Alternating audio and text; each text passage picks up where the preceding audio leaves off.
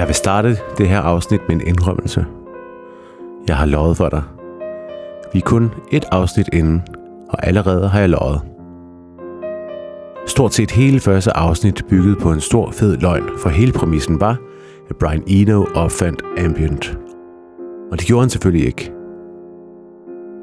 Men det var en god historie. Og jeg ved, at meget kan tilgives for en god historie. En hvid løgn i bytte for en skabelsesberetning. Vi mennesker elsker en god skabelsesberetning.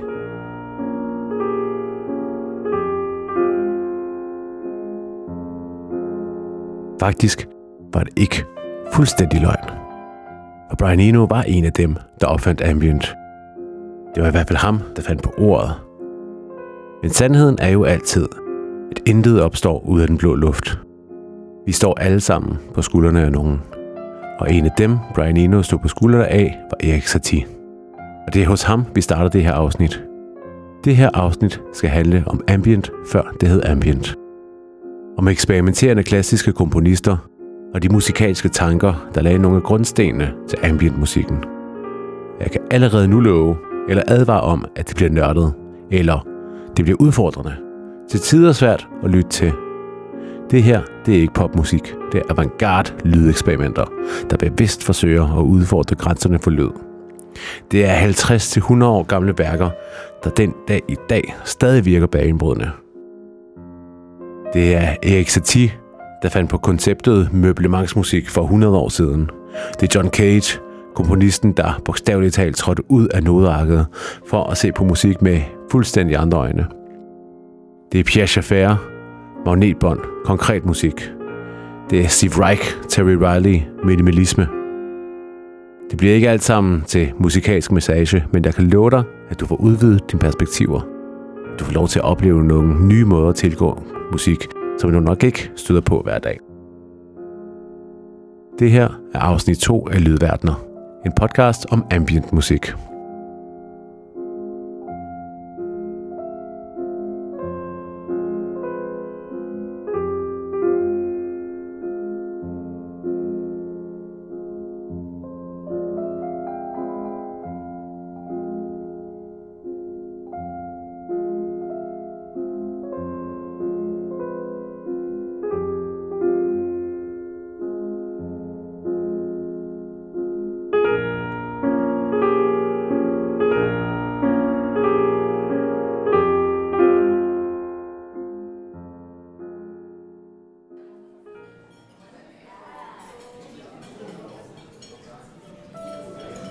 Forestil dig, at du skal til et virkelig godt middagsselskab. Eller måske på en moderne restaurant. I baggrunden der kører der måske en playliste, som nogen har brugt timer på og sammensætte helt rigtigt. Eller måske står der en DJ. En, der ved rigtig meget om de sidste 100 års indspillede musik. Og kan vælge lige præcis de lyde, der kan komplementere maden. For stemningen og aften til at flyde helt efter planen. Men sådan har det jo ikke altid været. I starten af det 20. århundrede var der ingen playlister, der var ingen DJ's. Der fandtes faktisk stort set nærmest ingen indspillet musik. Det er den verden, vi starter det her afsnit i. Hos komponisten Erik Satie. En komponist og tænker, der skal have forløberne til minimalisme, absurd teater og som vi også skal høre, ambient. Og hvem var Erik Satie så? Han var franskmand. Utrolig morsom. Det er i hvert fald det, jeg kan læse mig til. Nærmest prototypen på sådan en Montmartre Bohème, som jeg forestiller mig, at de var i starten af 1900-tallet. Indrømmet uden meget mere reference end filmen Moulin Rouge. Men han boede i Montmartre. Han var typen, der sneg sig ud af militærtjeneste ved at smitte sig selv med bronkitis. Typen, der brugte utrolig meget tid på at promovere en anti opera som så viste sig ikke at eksistere. Omkring 1917 komponerede han fem korte værker i noget, han kaldte Musik det er møblement. Sådan tror jeg, det udtales. Jeg taler ikke fransk. Men altså møblementsmusik, eller som det er kendt på engelsk, og som Brian Eno formulerede det, furniture music. Satie havde publiceret utrolig meget musik, og han var blevet kendt for at lægge små noter sammen med sine kompositioner. Og i det her tilfælde skrev han, at musikkens hensigt var at blande sig med de øvrige lyde fra et selskab. Knive og gafler på tallerkener. At musikken havde til formål at udfylde tomrummene og den pinlige tavshed, der opstår i pauser mellem samtaler. Musik skal betragtes på samme måde som møblerne. Noget, der bare er der. Den bør ikke blive tillagt specifik opmærksomhed. Ikke mere opmærksomhed end rummets møbler, arkitektur og udsmykning. Altså stort set identisk med Brian Enos tanker om ambient, bare 60 år tidligere.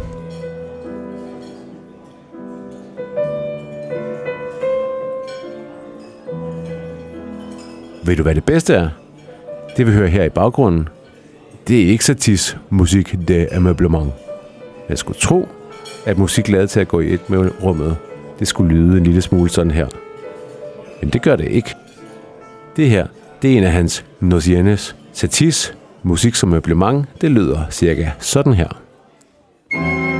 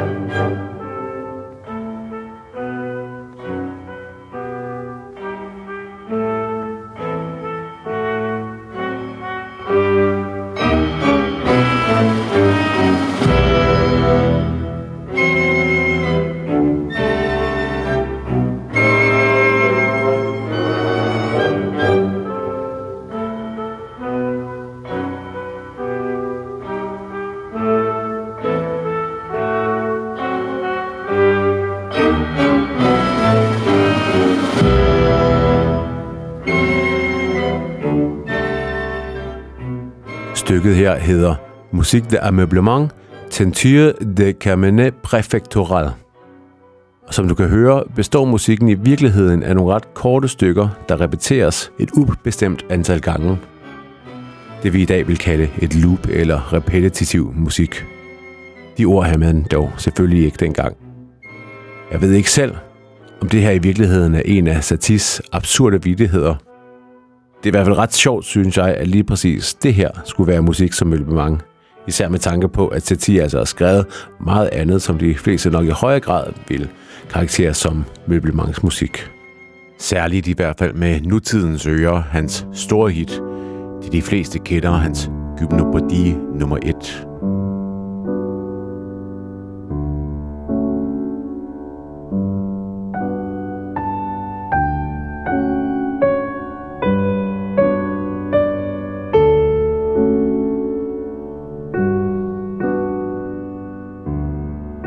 altså tanken, der tæller. I hvert fald i den her sammenhæng. Det er ideen om at lave musik som møblement. Men der går altså en helt tydelig linje fra Erik Satie til Brian Eno. At musikken skal være en del af rummet på lige fod med møblerne. At musikken ikke skal lyttes til som et værk men stå i baggrunden, som en del af det generelle lydbillede, og at den skal blande sig med rummets øvrige lyde, så det i princippet bliver en del af værket. Alle de tanker er direkte i tråd med det Brian Eno fandt på cirka 60 år senere, om en udførelsen selvfølgelig er noget anderledes. Satie er i øvrigt også nævnt i albumnoterne på Discreet Music.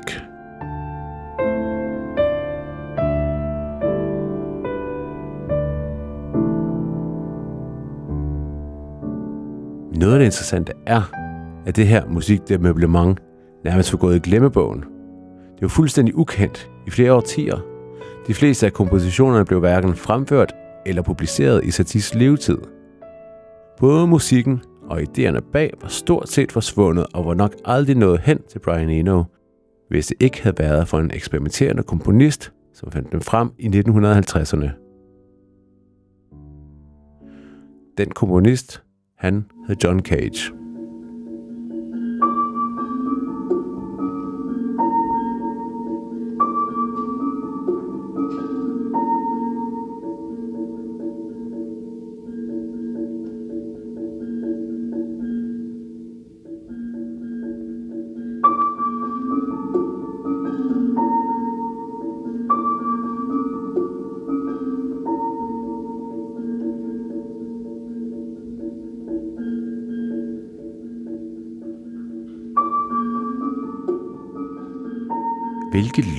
Gælder som musik? Hvad kan vi tage med i vores kompositioner? Hvilke lyde gælder som en del af kompositionen? Og hvis vi vil tage andre lyde med end dem, der kommer frem, når man trykker på enten den sorte eller den hvide tangent, hvordan skriver vi det ned i partituret?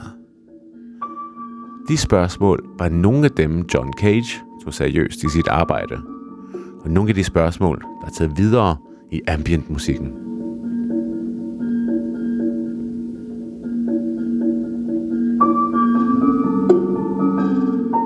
De fleste kender nok primært John Cage for værket 433.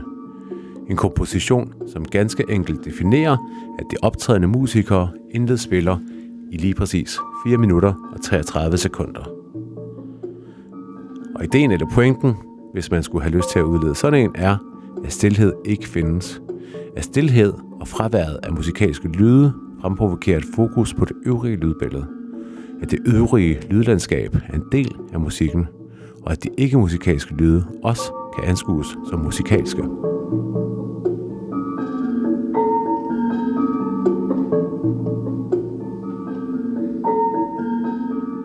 Alt sammen tankegods, der selvfølgelig har haft en stor betydning for ambient-musikken, der jo netop også blev skabt, da verdens reallyde blandede sig med helt stille harpemusik. Men 433 er selvfølgelig ikke John Cages eneste komposition, og heller ikke den eneste, der er relevant, når vi taler om ambient musik. I 30'erne udviklede John Cage nemlig det, han kaldte prepared piano. Et klaver med forskellige ting og sager indsat omkring strengene og hammerne, for at give klaveret nogle andre og anderledes lyde. Nærmest en synthesizer-agtig tilgang til klaveret mange år før synthesizers var en ting. Det er det, vi hører her i baggrunden. Sonata number 14 for Prepared Piano.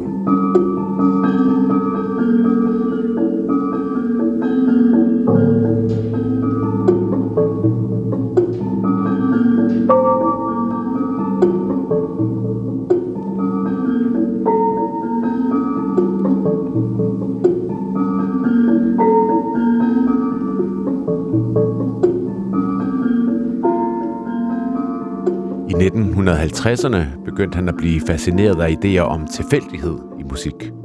Efter at han havde stiftet bekendtskab med en kinesisk tekst, I Ching, der giver et slags schema for at systematisere tilfældighed. Som jeg har forstået, det, jeg må indrømme, jeg har ikke læst I Ching selv. Men Cage begyndte i hvert fald at inkorporere de her tilfældigheder i sine kompositioner, og han brugte ofte det her I Ching-system som et kompositionsværktøj. Et godt eksempel er Imaginary Landscape No. 4. Et stykke, hvor 24 mennesker skal interagere med 12 radioer. Et menneske, der skruer tilfældigt på radioens frekvens, og et andet menneske, der tilfældigt indstiller volumen, for på den måde at skabe et kakofonisk og kaotisk tilfældigt lydlandskab. Vi får lige et eksempel på det her.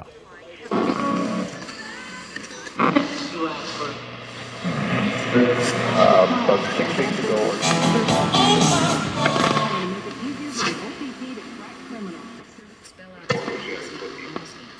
À titre de ministre,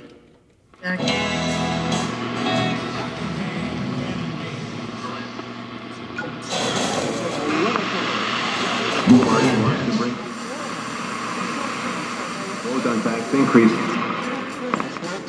Sir. but believes his party may be The In general. From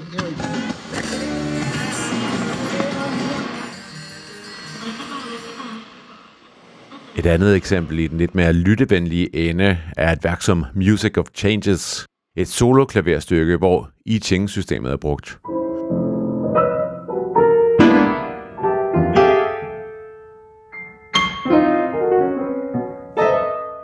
Så vidt jeg kan forstå, så blev stykket skrevet ved, at man har nogle forskellige spørgsmål, som man så får svar på ved at spørge det her schema. Der er 8x8 felter, altså 64 i alt.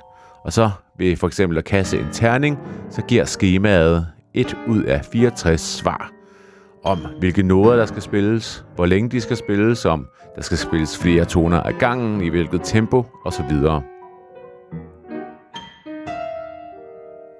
Resultatet er, som vi hører, ret kaotisk. Og det er selvfølgelig en ting.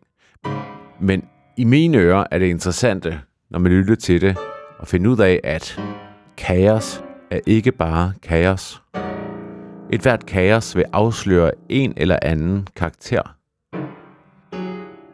Et hvert kaos er kaotisk på sin helt egen måde. Så selvom det er svært, eller stort set umuligt at finde hoved og hale i det her stykke, så har det alligevel sin helt særlige karakter. Som medieteoretikeren Marshall McLuhan formulerede det, Information overload equals pattern recognition.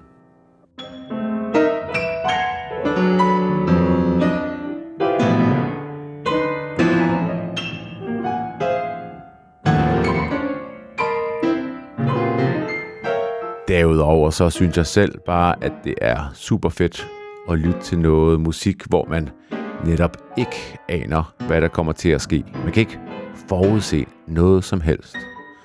Hjernen har så stort et behov for logik og system, og det er helt fantastisk og udfordrende at blive præsenteret for noget, hvor der ikke er noget system, der er ingen logik. Eller måske er der lige nok til, at man kan mærke den, man kan indse den. Man ved, den er der. Man kan bare ikke gennemskue den. Sådan har jeg det i hvert fald. Jeg synes selv, John Cage formulerede det ret fint i det her citat.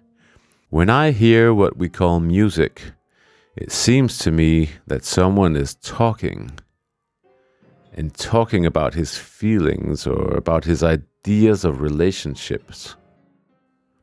But when I hear traffic, the sound of traffic here on 6th Avenue, for instance, I don't have the feeling that anyone is talking. I have the feeling that sound is acting. And I love the activity of sound. I don't need sound to talk to me.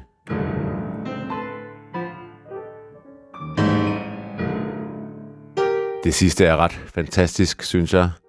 I don't need sound to talk to me.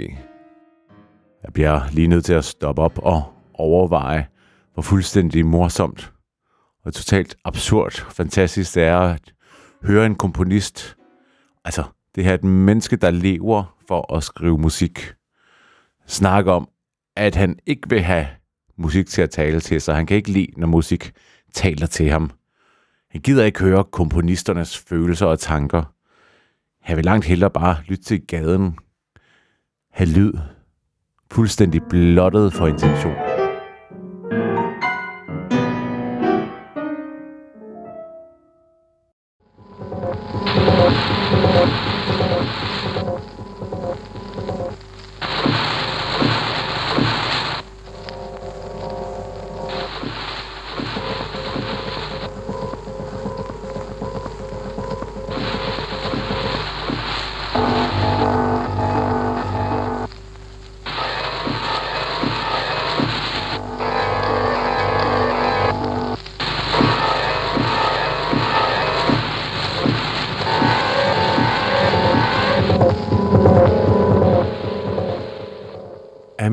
Musik hænger uløseligt sammen med teknologi.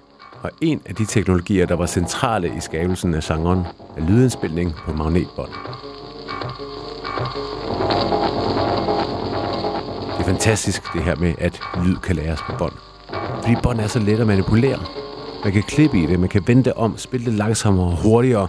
Man kan krølle det sammen. Man kan gøre alle mulige ting med magnetbånd, som man ikke kan gøre med andre lydlæringsmedier. Det er jo lidt mennesket, så især kunstnerens legesyge natur. Hvis det overhovedet er muligt at lege med materialet og gøre nye ting ved det, manipulere, omstrukturere, så er det helt uundgåeligt, at nogen på et tidspunkt vil gøre det. Og en af de første til at lave eksperimenter med bånd hed Pierre Schaeffer. Hans forældre var musikere. Han var ingeniør og fik job ved radioen. Helt perfekt.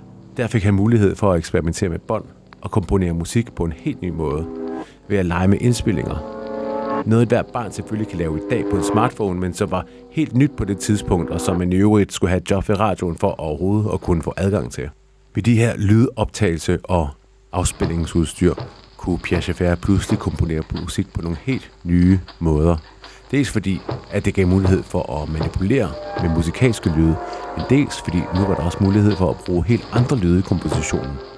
Det måske mest kendte, lyden af et tog.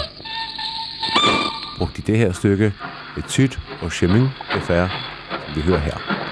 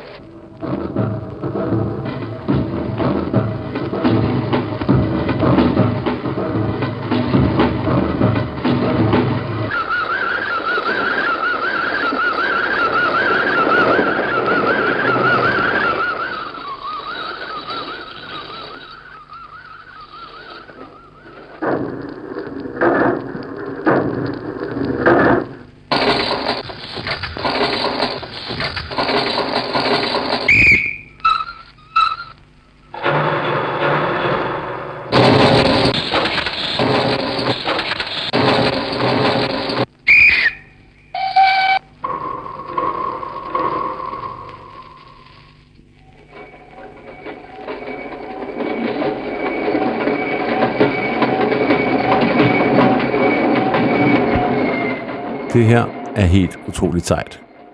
En ting er, at lyde, der ellers ikke er musikalske, lige pludselig bliver musikalske. Når vi kalder dem musik, så bliver det til musik. Vi lytter til dem på en anden måde. Og så er projektet også at tage et skridt tilbage. Pierre Schaeffer vil opfinde musik helt forfra, med et nyt vokabularium. Tankegangen er, at vi ellers med musik har skabt en abstraktion gennem noder og musikalsk notation, men med musik konkret, der forlader vi den abstraktion. Og vi bygger musikken af konkrete lydhændelser. Vi skaber abstraktionen ved at sætte dem sammen til et værk. Vi forlader alt det, vi ellers har opfundet og udviklet af harmonidager, musikteori, og skræller det lag væk for at tilgå musikken med et helt andet udgangspunkt.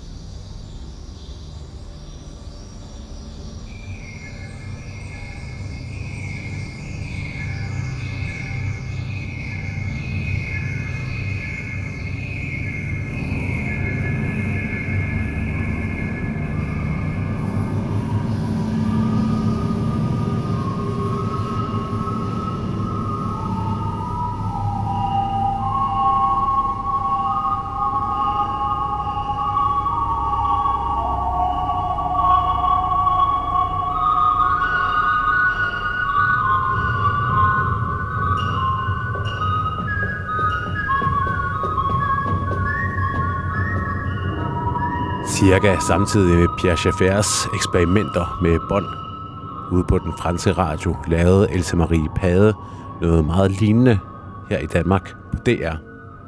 Jeg vil overlade ordet om Else Marie Pade til Katrine Ring, som jeg interviewede til det her afsnit. Else Marie Pede er jo interessant på den måde, at hun øh, tager udgangspunkt i det nære. Øh, og hun tager udgangspunkt i noget, som er hvad skal man sige, fælles gods. Øh, det vil sige, alle kender historien om bakken. Alle kender historien om eventyret. Alle kender historien om, hvad det nu måtte være. Et af hendes store værker er øh, Symfonik Magnetofonik, Magnetbåndssymfonien, hvor hun beskriver en, et helt døgn for et menneske, fra man vågner med, med, med, med, med ringeklokken, øh, hvor man børster tænder, man goler sin kaffe, man springer ned ad trappen, man øh, øh, og løber hen ad gaden, man skal op på en sporvogn, man skal ud og cykle, man skal dit, man skal dutten, og så videre, og så videre, og så videre. Og det kommer man så ind på kontoret og begynder at, og, og, og, og, og, og klapper på, på øh, øh, tastaturet på skrivemaskinen, og så videre, og så videre. Den hverdaglige ting, tror jeg, er noget, som er meget typisk for Else Marie Pade. Og det, jeg ser, anser det også som noget, der er meget dansk.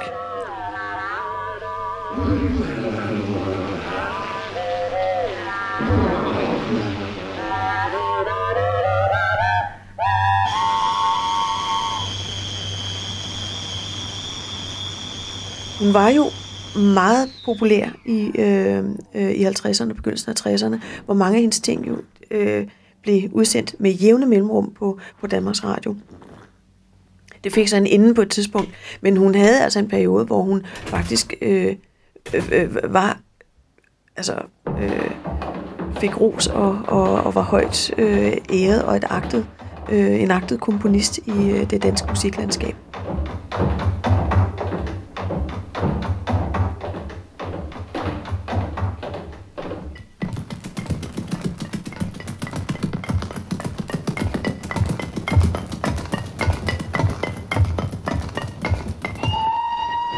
Det hun selv har angivet som en øh, som årsagen til, at hun tænkte så meget i lyd, det var fordi hun, hun led af, af, af nyrebetændelse, øh, og derfor lå hun meget i sengen, da hun var barn, og øh, havde frygtelig, frygtelig, frygtelig ondt.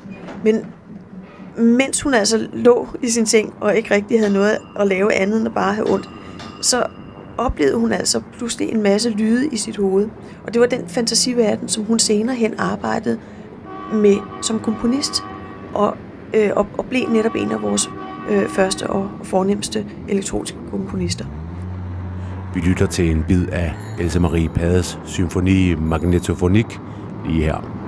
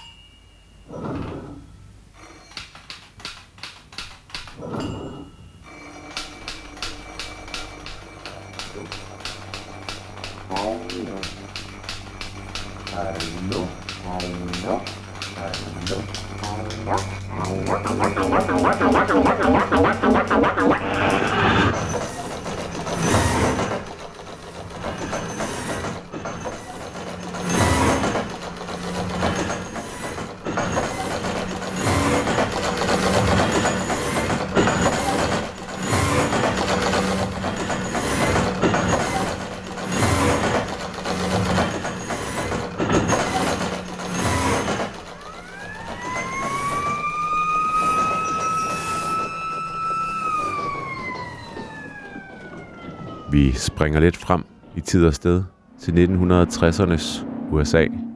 Den skole, vi kender som minimalisterne. En af dem var Steve Reich, og han var også fascineret af magnetbånd. Og hvad der sker, når forskellige lydmateriale loopes, får ekko, går ind og ud af fase med sig selv, og et af hans værker hedder It's Gonna Rain, hvor netop sætningen It's Gonna Rain bliver loopet asynkront i venstre og højre spor. Jeg kommer til at spille en snas af den her, Det kan måske godt være en lille smule enerverende at lytte til i starten. Men jeg håber, du lytter med, for der sker noget ret magisk, nærmest meditativt, når man lige kommer over det der punkt. Ordenes mening bliver opløst. Det bliver til ren lyd, hvis karakter lige så langsomt udvikler sig. Mening og betydning de pludselig smelter, falder fra hinanden. Tingene bliver pludselig til noget fuldstændig andet. Så jeg håber, du vil give den en chance. Steve Reich, It's Gonna Rain. It's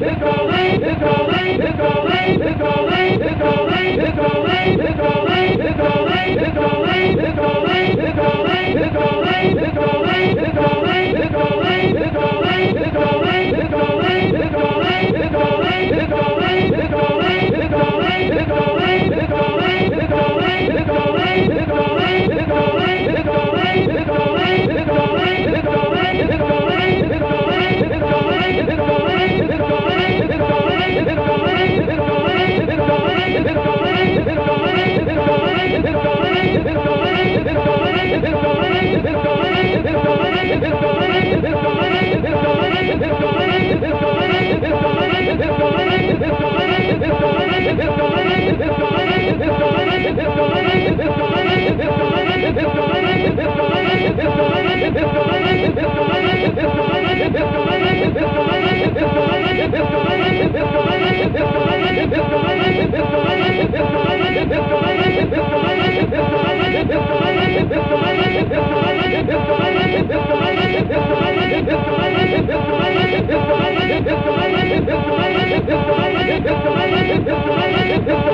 Bye.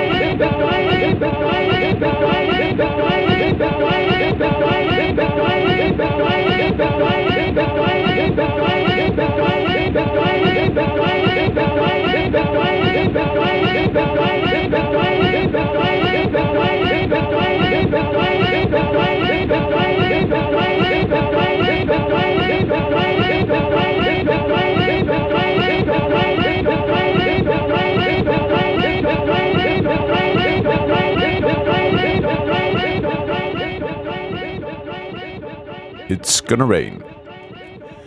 Jeg håber, du lyttede med hele vejen, og hvis du spolede lidt frem i det, så er du også tilgivet.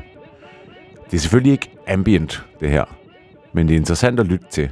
Og så minder det rigtig meget om discrete music og music for airports i den måde, det er komponeret eller produceret. Det er, at man skriver et track eller et værk ikke ud fra nogle øh, tonale idéer, men ud fra nogle tanker om, at øh, hvis vi nu sætter vores båndoptager til at gøre sådan og sådan, kan vidst, hvad der så sker, og så ellers bare læne sig tilbage og lytte til resultatet. Og som jeg har forstået det, så er det også noget af det, der er pointen med minimalismen. Jo mindre der sker, des mere lægger vi mærke til de små detaljer. Lydens tekstur, lydens materialitet, rytmen i lydene. Og der sker det ejendomlige, at ord bliver til lyd. Det er lidt ligesom, når man kommer til at tænke på, at et eller andet ord lyder underligt. Hjernen kommer til at adskille ordets betydning fra dets fonetiske egenskaber.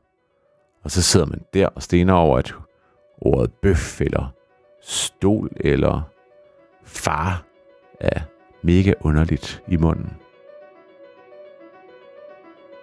I den lidt mere lyttevenlige ende har vi Steve Reichs stykke Piano Phase, og her er det to klaverer, der spiller den samme korte figur ud af fase, så den samlede melodi er konstant forvandling. Effekten er igen virkelig meditativt og ret interessant at have i ørerne.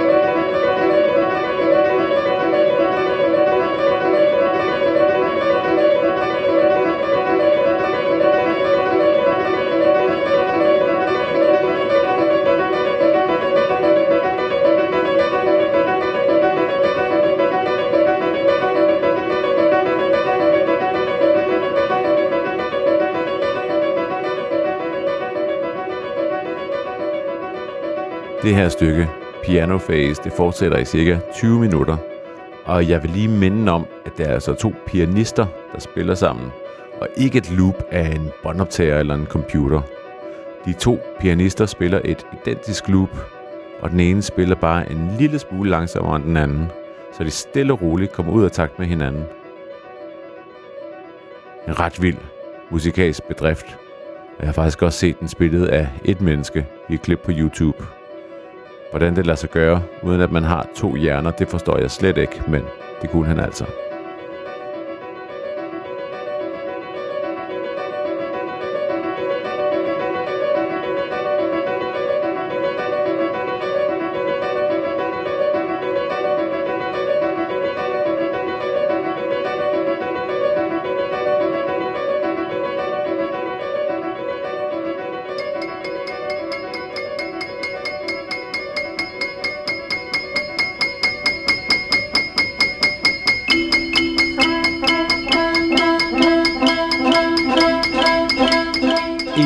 Strikes samtidig hedder Terry Riley, og han arbejdede med nogle af de samme slags idéer.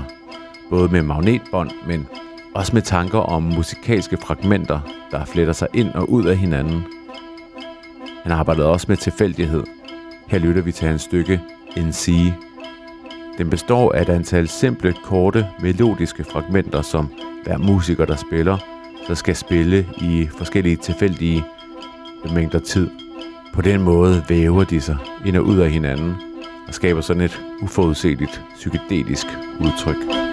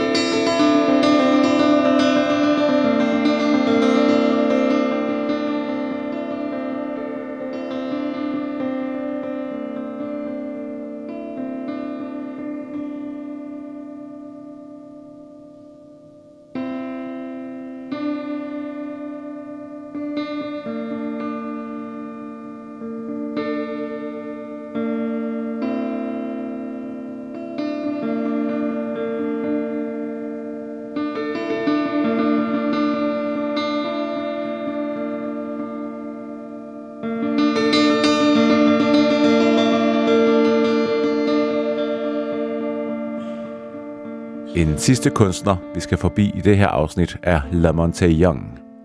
Vi hørte allerede om ham i sidste afsnit. Det var ham, der havde skrevet X, Any Integer for Henry Flint.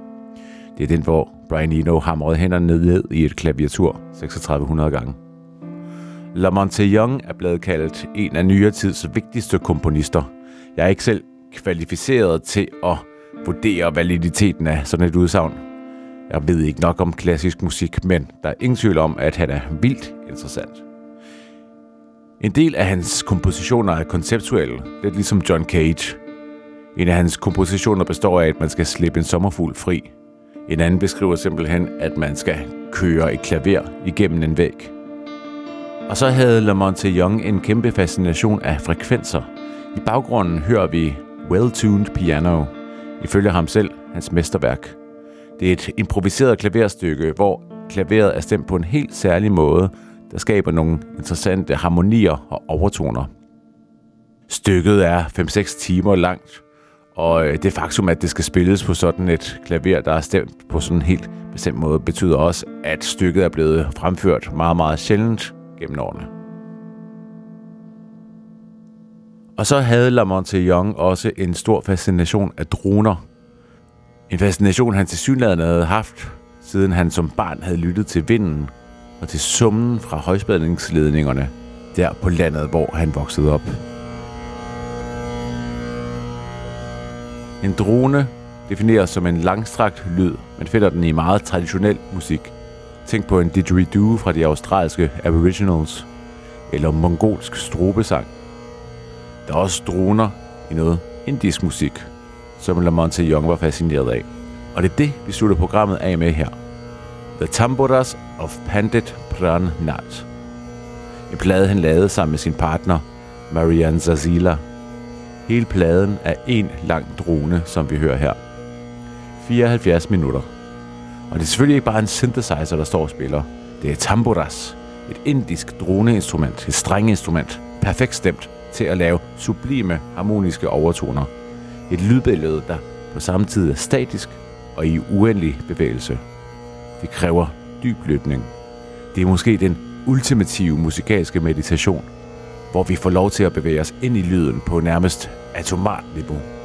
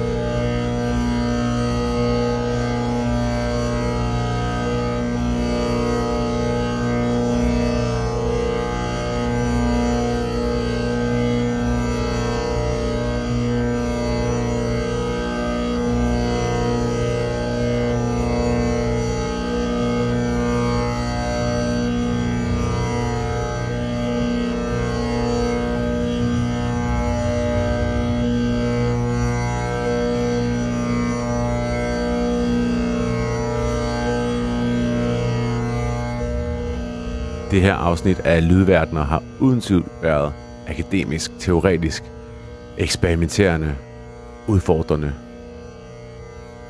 Hvis du nåede så langt her, bravo. Der er helt sikkert en del, der er faldet fra. Men lige så meget som jeg selv synes, at det konceptuelle i musik er interessant, så er det også vildt fedt og fantastisk, når der er nogen, der så knækker koden til at tage de her avantgarde-tanker og gøre dem mere spiselige mere lyttevenlige. Tag de nye koncepter og server dem på en måde, der er behagelig at lytte til. Det gjorde Brian Eno, men samtidig Og faktisk også en lille smule før, var der nogle tyskere, der gjorde præcis det samme. Det var kunst- og musikstuderende, der for mangens vedkommende var oplært af nogle af de komponister, som vi har lært at kende i det her afsnit. I næste afsnit skal vi en tur til Tyskland i starten af 70'erne. Endnu en scene med ambient, før det hed ambient.